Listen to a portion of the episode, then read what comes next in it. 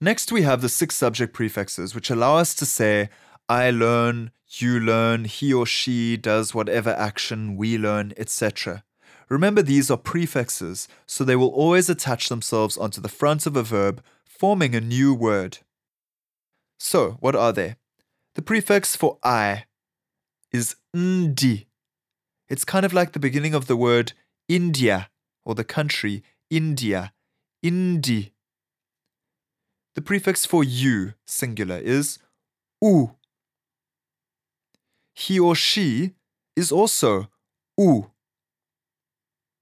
And in the plurals, we have the prefix for we, which is si. The prefix for you, plural, ni. And for they, ba. An example we learn or we are learning si funda you literally put it onto the front of a verb.